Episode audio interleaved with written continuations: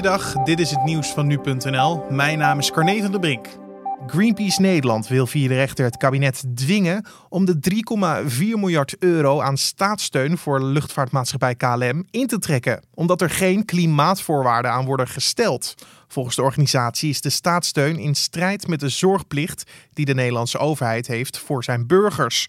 Zoals de Hoge Raad dat eerder ook in het Urgenda-vonnis heeft bekrachtigd, al dus Greenpeace.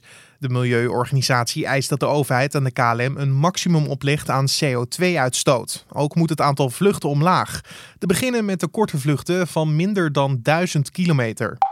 In trouw staat vandaag dat veel minder varkensboeren dan verwacht willen gebruik maken van de uitkoopregeling die het kabinet heeft opgezocht om de uitstoot van stikstof te minderen. Dat blijkt uit onderzoek van het platform voor onderzoeksjournalistiek Investico in samenwerking met Eén Vandaag. De producentenorganisatie Varkenshouderij, de belangenbehartiger van de sector, verwacht dat van de 407 boeren die aan de voorwaarden voldoen, slechts de helft zijn handtekening zal zetten. Landbouwminister Carola Schouten had echter gerekend op 361 boeren. Voor de uitkoopregeling is nu in totaal een half miljard euro uitgetrokken.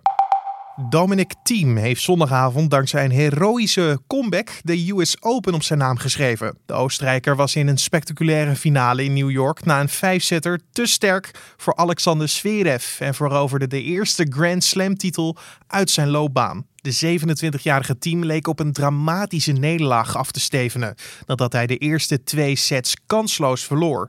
De nummer 3 van de wereld richtte zich tegen alle verwachtingen in toch nog op en trok na een zinderende partij van 4 uur aan het langste eind. Bij de vrouwen was Naomi Osaka dit weekend voor de tweede keer na loopbaan de grote winnaar van de US Open. TikTok gaat een partnerschap aan met het Amerikaanse technologiebedrijf Oracle voor het beheer van de gegevens van gebruikers uit de Verenigde Staten.